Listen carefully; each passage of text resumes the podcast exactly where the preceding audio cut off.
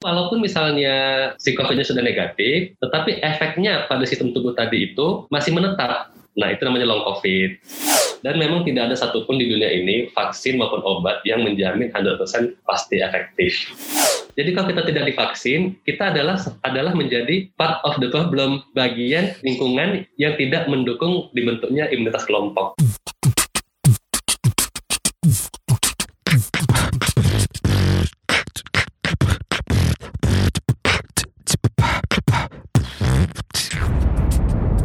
Cuap-cuap cuan.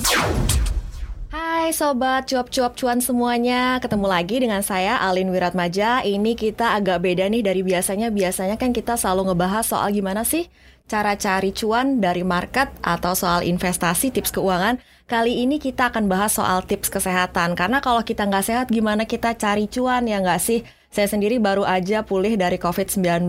Nah, saya merasakan ada banyak sekali pertanyaan-pertanyaan dari saya sendiri yang selama ini saya rupanya belum paham betul soal COVID meskipun kita sebenarnya sudah melewati COVID ini selama lebih dari satu tahun. Nah dalam kesempatan kali ini uh, saya akan mengajak Sobat Cuan semua untuk berbincang langsung dengan Dr. Faisal Parlindungan uh, seorang dokter spesialis penyakit dalam dan juga salah seorang dokter penanggung jawab di Tower 6 Wisma Atlet yang merawat pasien-pasien COVID-19. Halo dok. Halo Mbak Alin. Iya, kita mau tanya-tanya nih soal pertanyaan-pertanyaan yang banyak ditanyakan oleh uh, masyarakat awam termasuk saya juga nih. Dok, kemarin itu kan saya sebenarnya sudah divaksin dua dosis seperti itu, tapi belum sampai satu bulan saya kena COVID-19. Jadi sebenarnya ini apakah gara-gara divaksinasi imunitas saya jadi lemah atau memang vaksinasi ini sebenarnya tidak memberikan jaminan kita akan kebal gitu dok? Baik, nah uh sebenarnya kita sama-sama tahu ya vaksinasi itu sebetulnya adalah upaya untuk membentuk kekebalan tubuh. Jadi malah sebetulnya setelah divaksin kita tidak menjadi lebih lemah sebetulnya Mbak. Jadi malah uh, kita itu akan mendapatkan tambahan kekebalan tubuh untuk menghadapi infeksi spesifik yang uh, menjadi tujuan vaksin tadi. Nah, jadi kalau tadi Mbaknya kan sudah vaksin dua kali ya, Nah, setelah vaksin dua kali, maksudnya itu kekebalan tubuhnya itu menjadi lebih tinggi untuk untuk jenis infeksi spesifik untuk vaksin tadi, begitu. Jadi eh, kelihatannya eh, memang jika setelah mendapatkan vaksin COVID kemudian malah kena COVID itu bukan akibat vaksinasinya, tetapi mungkin akibat memang mendapatkan pajanan atau mendapatkan itu, Mbak. Oke apa manfaat yang paling uh, fundamental banget, yang paling dasar yang dirasakan oleh seseorang yang sudah divaksinasi meskipun dia terkena COVID gitu dok? Oh, itu sangat penting ya Mbak ya. Kan jadi ada tujuan vaksinasi sebetulnya yang paling utama itu adalah uh, mencegah angka kesakitan dan angka kematian ya akibat si infeksi COVID ini. Nah, jadi uh, added bonusnya itu memang bisa menambah uh, menambah kemampuan untuk mencegah kena infeksi. Ya, ya tapi itu adalah added bonus. Yang paling utama itu adalah goal utamanya adalah mencegah angka kesakitan dan angka kematian. Nah, jadi jika kita divaksin dengan adanya kekebalan tubuh yang sudah mengenali infeksi kuman itu, maka uh, respon tubuh kita juga akan lebih siap sehingga nanti outcome-nya juga lebih baik. Nah, tentunya itu kita mesti melihat kondisi si pasien, apakah sebelumnya pada pasien itu ada penyakit lain atau tidak. Nah, jika memang ada penyakit lain, tentunya eh, bakal lebih eh, susah atau bakal lebih eh, bahaya jika kemasukan infeksi lain gitu. Iya, kalau saya sendiri kan kemarin kena COVID, kalau dilihat dari luarnya tuh kayak orang OTG aja gitu ya, nggak kenapa-kenapa, tapi ternyata hasil labnya itu jelek dan ternyata ada komorbid juga. Kata dokter itu harus bersyukur karena saya sudah divaksin, karena kalau nggak divaksin itu bakalan ceritanya beda lagi gitu ya dok. Iya, nah jadi memang itulah fungsi vaksin. Jadi kita mesti tahu uh, apa ya uh, basicnya itu. Jadi ketika kita memasukkan vaksin ke dalam tubuh, nah vaksin itu adalah uh, apa namanya molekul yang membuat tubuh bisa mengenali jenis penyakit spesifik. Nah, jika dia sudah mengenali, maka dia akan membuat respon antibodi. Nah, respon antibodi ini akan menging, akan membantu untuk mengeliminasi si penyakit tadi. Nah, jadi jika pasien yang sudah divaksin sudah memiliki antibodi, maka dia akan lebih cepat untuk mengeliminasi uh, penyakit yang masuk ke tubuh. Nah, dalam kasus Mbak tadi, jika memang ada penyakit lain, penyakit bawaan atau penyakit komorbid lain, tentunya itu kemampuan tubuh mungkin beda dengan uh, pasien yang sama sekali tidak memiliki penyakit bawaan, begitu. Oke, dok, ini banyak uh, yang ragu-ragu untuk vaksin karena suka dengar cerita-cerita setelah vaksin ada gejala ini, badan jadi gini, ngedrop segala macam. Ini sebenarnya gimana sih kita biar bisa memandangnya atau menempatkannya secara baik dan benar gitu, dok? Ya, nah ini sangat penting sekali. Jadi ada nama istilah, mohon maaf jika saya pakai istilah medis yang namanya imunogenitas. Nah, imunogenitas itu adalah kemampuan si vaksin ini untuk menginjus atau memicu respon imun. Nah, jadi semakin tinggi imunogenitasnya, maka tentunya semakin tinggi reaksi tubuh. Itu bisa uh, bermanifestasi dalam hal efek samping tadi. Misalnya setelah divaksin jadi demam, jadi sakit kepala, jadi badan lemas. Itu adalah dalam rangka si tubuh ini membentuk uh, kekebalan tubuh tadi begitu. Tapi biasanya itu nggak lama. Nah, efek samping yang kecil-kecil begitu, kayak demam, sakit kepala, itu mungkin satu atau dua hari saja setelah divaksin. Oke, sebaiknya emang kita uh, mengurangi aktivitas atau gimana sih? Atau misalnya cuti aja nih kalau pas kita lagi setelah vaksin? Enggak sih, uh, nggak butuh sampai nggak butuh sampai cuti. Tetapi yang mesti dipastikan adalah ketika vaksin itu memang badannya memang uh, sedang fit. Tidak ada keluhan batuk, tidak ada keluhan demam, tidak ada keluhan kecapean, begitu ya. Soalnya kita kan vaksin ini memasukkan uh, zat asing. Nah, otomatis ketika kita masukkan zat asing, kita pengen tubuh kita memang dalam kondisi yang uh, fit untuk mendapatkan atau menghasilkan respon yang bagus begitu. Kondisi badan harus fit. Apa perlu persiapan khusus lagi dok? Misalnya suplemen untuk kita membantu uh, memperkuat badan kita pada saat kita akan divaksinasi? Nggak ada yang spesifik sih ya mbak ya. Tetapi memang misalnya pasien memang uh, teman-teman memang selama ini mengkonsumsi suplemen, mengkonsumsi misalnya vitamin, silakan saja, tidak apa-apa gitu. Oke. Okay. Ya, tapi banyak juga sih yang yang kayak lansia misalnya tidak ada konsumsi apa-apa, tapi badannya fit divaksin aman-aman aja gitu.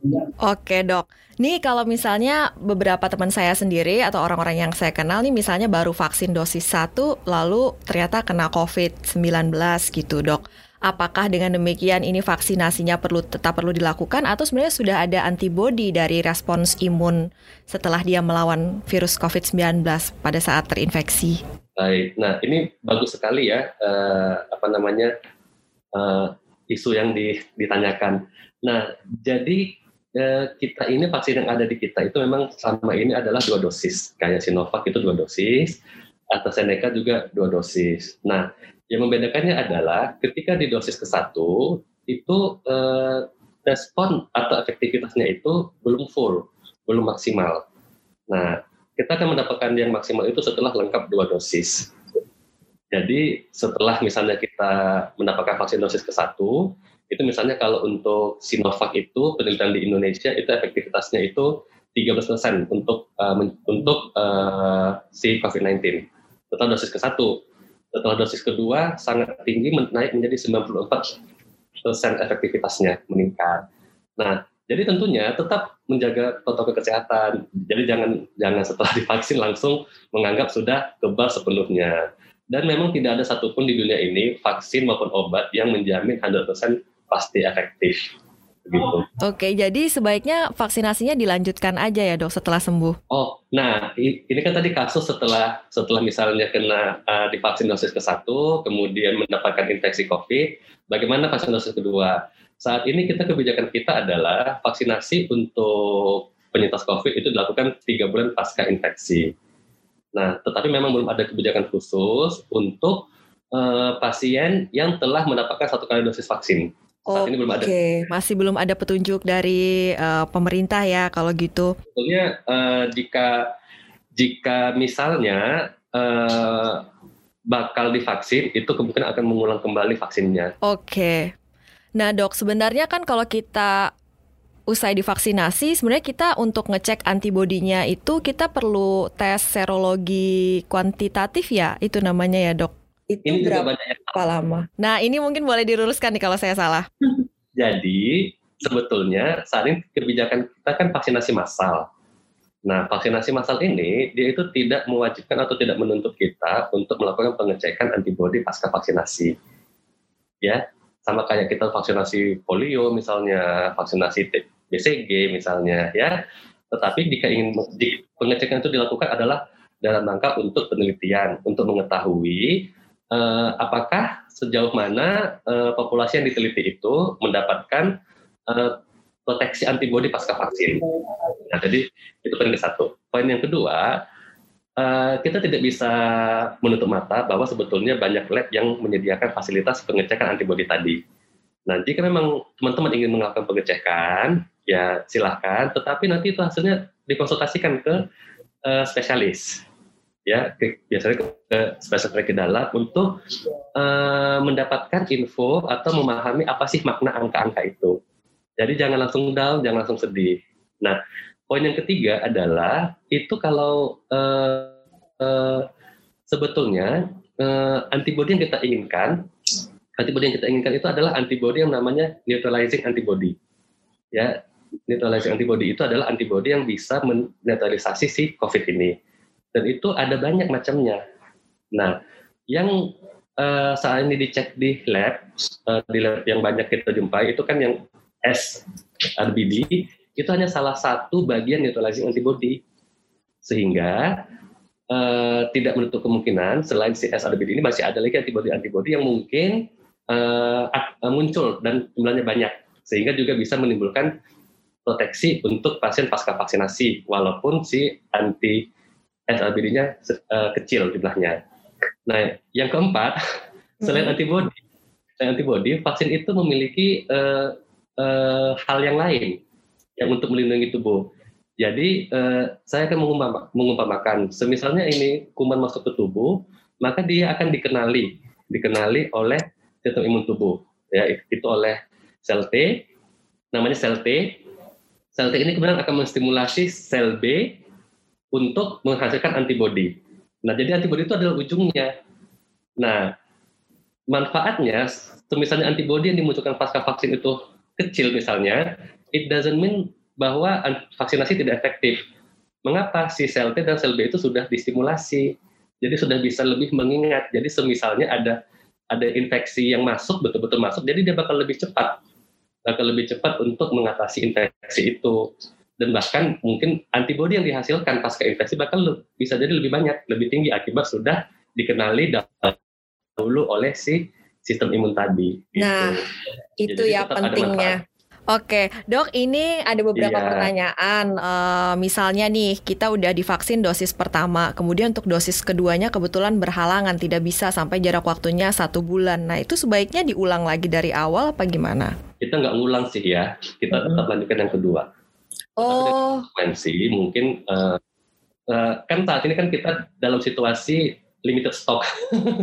iya, soalnya ada teman-teman yang kelewatan vaksinasi pemerintah, terus mereka bilang, oke okay, nanti vaksinasi gotong royong aja deh, kayak gitu, karena kelewatannya lebih dari satu bulan. Oh, vaksinasi gotong royong itu masih masih jauh ya, masih iya, jauh betul. Sekali. Jauh banget, masih jauh banget. Jadi maksud saya tadi itu uh, kita lakukan dosis vaksinasi kedua ya tetap dengan vaksinasi yang sama.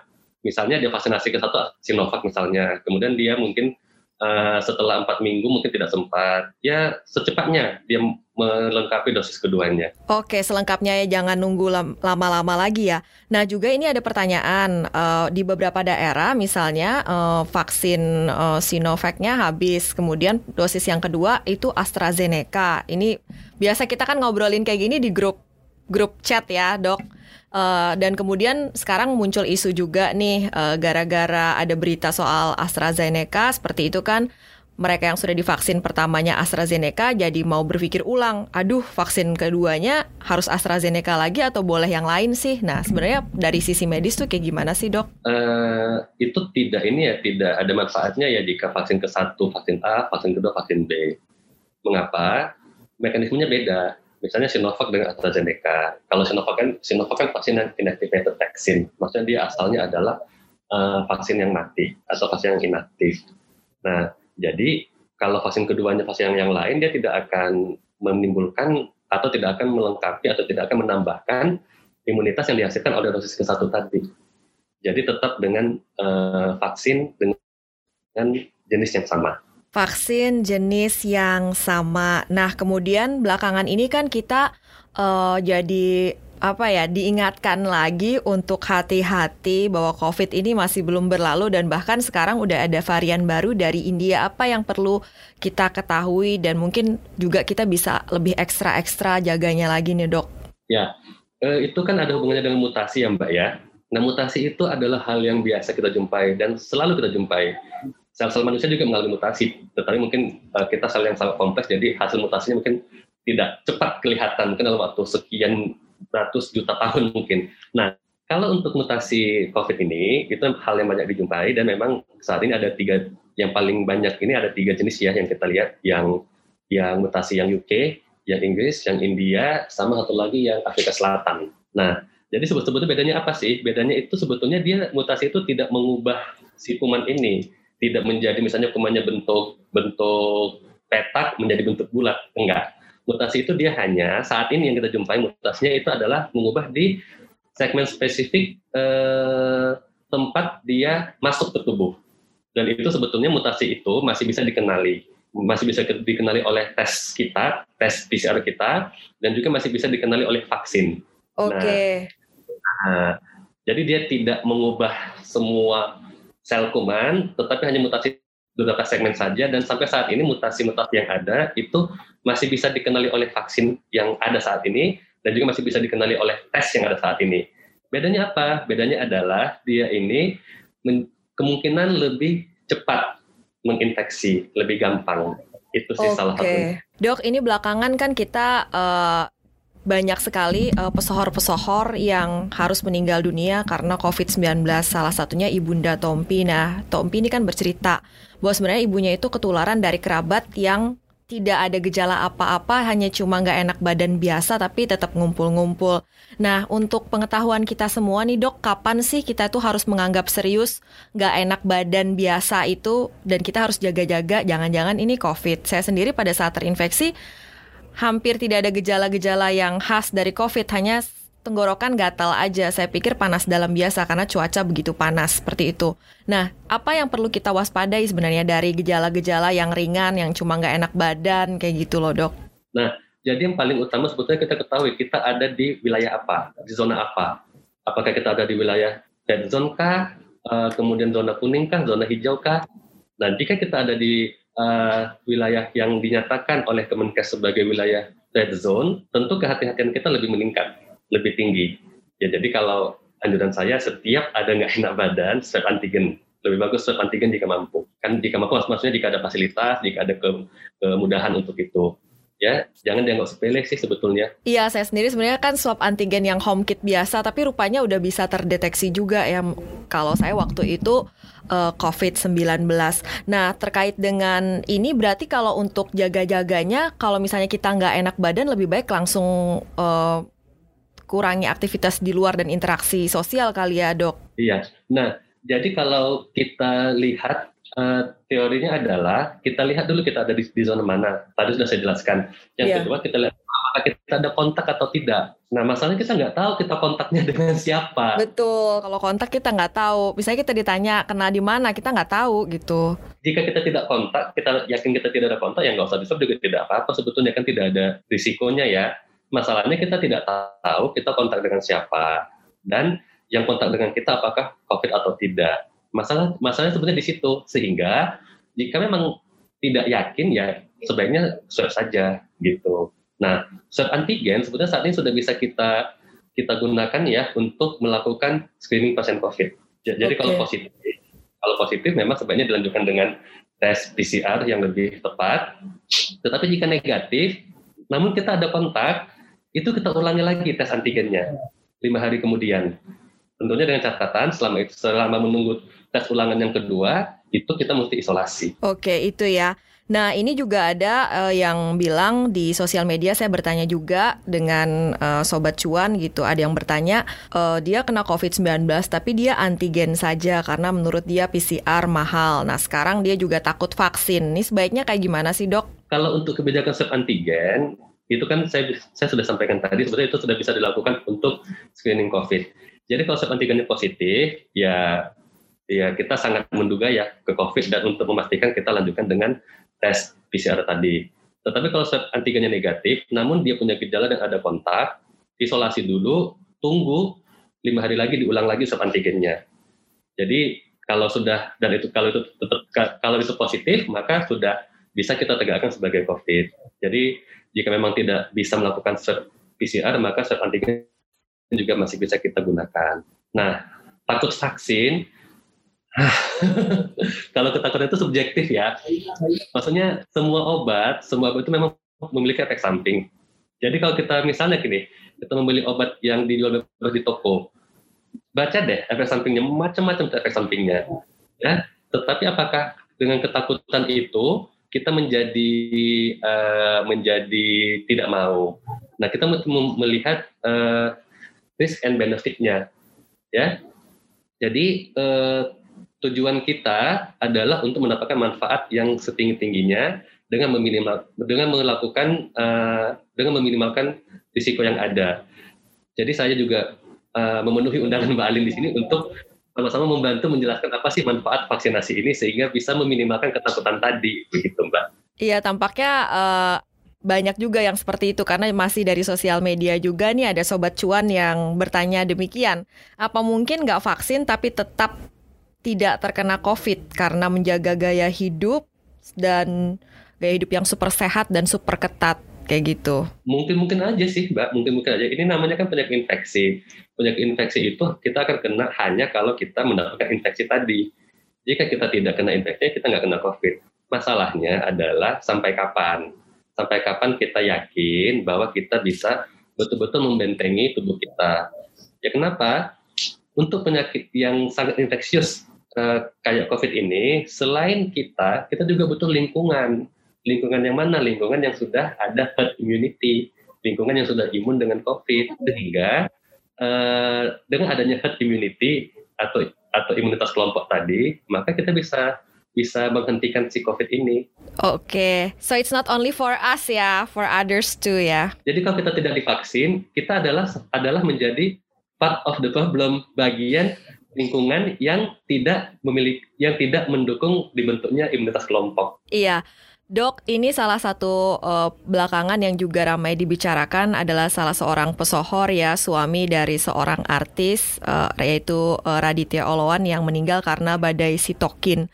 Nah, apa sih yang perlu diketahui oleh masyarakat awam soal badai sitokin ini? Apakah memang misalnya kita bakalan tahu apakah respons tubuh kita nih bakalan ngeluarin badai sitokin atau enggak? Atau ini semua sesuatu yang sebenarnya kita benar-benar we cannot never tell gitu? Gimana dok? Badai sitokin itu adalah uh, salah satu fase dalam infeksi COVID. Nah, jadi uh, pada umumnya itu ada tiga fase ya uh, fase awal, fase ke satu itu ya pas ketika awal masuk itu pasien tidak mengalami bisa tidak mengalami gejala, tidak mengalami apa-apa. Nah, di fase kedua itu mulai muncul uh, respon tubuh. Ya, di situ mulai muncul ada gejala. Nah, jika tubuh tidak mampu menghadapi uh, banyaknya kuman COVID yang masuk, maka dia akan jatuh ke ke fase selanjutnya, di mana itu namanya fase inflamasi. Jadi inflamasi atau radang itu sangat-sangat meningkat, di mana pada saat itu uh, bisa kita jumpai pada sitokin. Nah, sitokin itu apa? Sitokin itu adalah molekul-molekul kimiawi yang menyebabkan dijumpainya radang pada tubuh. Ya, jadi dia molekul-molekul kimiawi salah satu bagian uh, sistem kekebalan tubuh.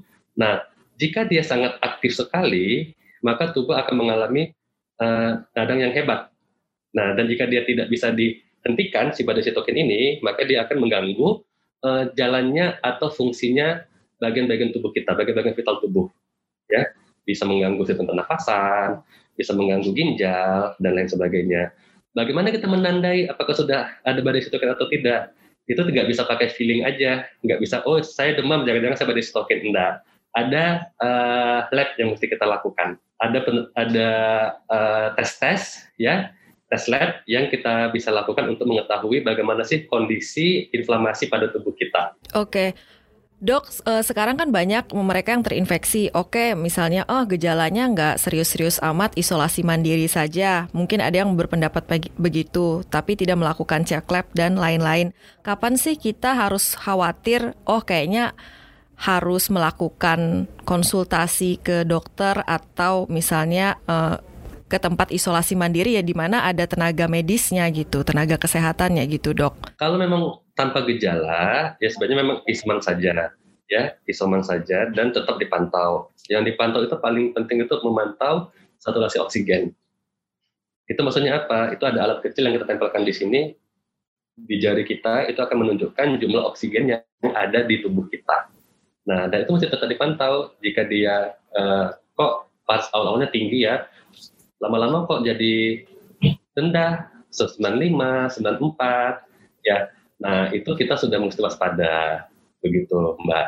Jadi, memang salah satu yang kita inginkan adalah semua pasien COVID yang tanpa gejala dan melakukan isoman, ya isoman maksudnya di tempatnya masing-masing ya, itu sebaiknya tetap memantau uh, saturasi oksigennya.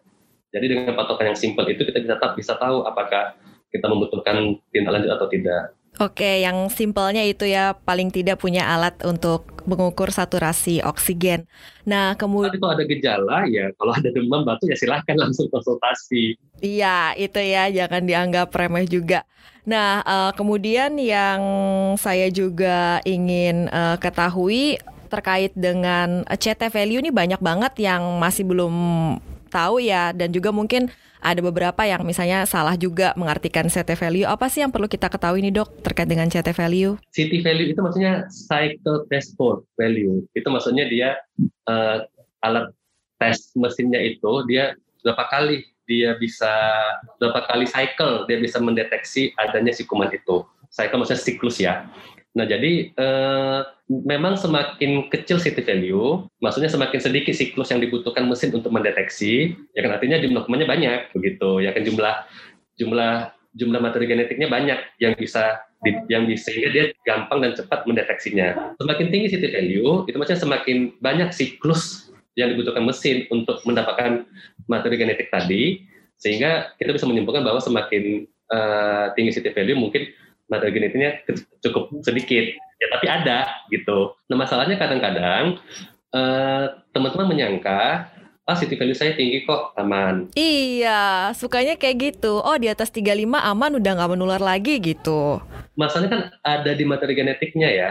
Kita ketik misalnya kita melakukan swab ya mungkin hanya sebagian aja tuh kuman yang uh, covid yang yang yang nempel di alat swab tadi sisanya ya. Mungkin mukus atau mat atau cairan biasa gitu sehingga membutuhkan CT value yang lebih tinggi untuk eh, siklus yang lebih banyak untuk mendeteksi. Tapi kumannya ada sebetulnya atau mungkin juga sebetulnya kumannya tuh banyaknya di dalam bukan bukan di atas bisa jadi. Jadi sebetulnya CT value itu kita menggunakannya untuk diagnostik. Ya jadi biasanya kalau misalnya kita menjumpai CT value yang tinggi, lab ada yang di atas 35, ada yang di atas 40 ya. Nah, jika di atas itu tergantung nilai yang dianut lab ya biasanya 40 ya 40 45. Nah, jika di atas itu maka dianggap negatif ya. Tetapi jika di bawah itu dianggap positif.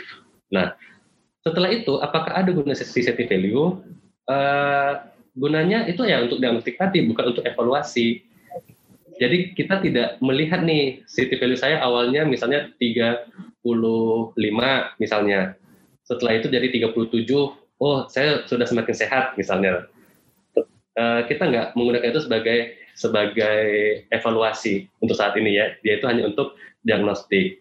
Digunakan untuk evaluasi pada kasus-kasus khusus yang bisa dihubungkan dengan uh, klinis pasien Oke, dok, sebagai pertanyaan terakhir, apa yang perlu kita waspadai terkait untuk penyintas nih ya? Kita kan tentunya tidak mau terjadi long COVID gitu. Apa yang perlu diwaspadai atau dijaga-jaga oleh seorang penyintas COVID? Mungkin tadi ada istilah long COVID ya.